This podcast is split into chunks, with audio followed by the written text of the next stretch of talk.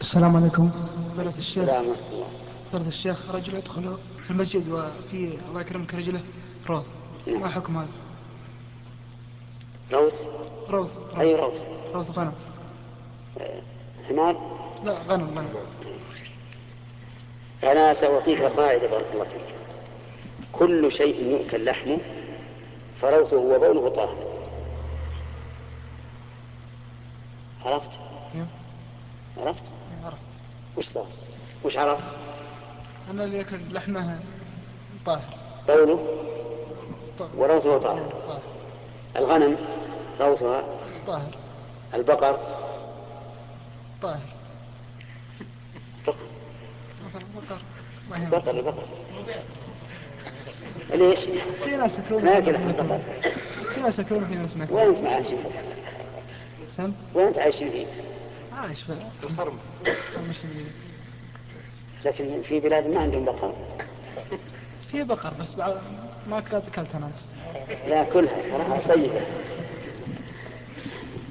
على كل حال هذا القاعدة عرفت الآن طيب الدج... الدجاج روثه ايش هو؟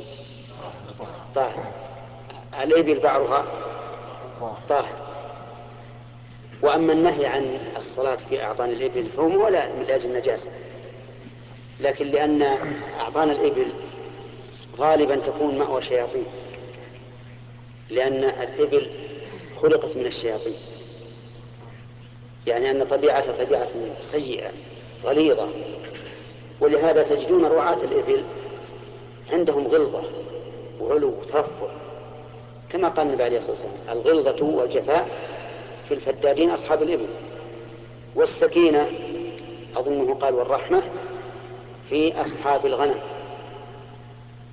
راعي الغنم ساكن وهادئ وعنده آه، تأني بخلاف صاحب الإبل صاحب الإبل تجده ناش- نبش من راسه متهيئ كأنه فوق الناس هذا شيء مشاهد ولهذا كان كان الأنبياء اختار الله لهم أن يرعوا الغنم ما من نبي إلا رعى الغنم ما يخلع قياس يسوق على التريلات والتداسل نعم شوف شخص اتصل على الآن بالعكس الآن صاحب المسدس الصغير أشد شموخ وعلو من من صاحب الكبيرة نعم.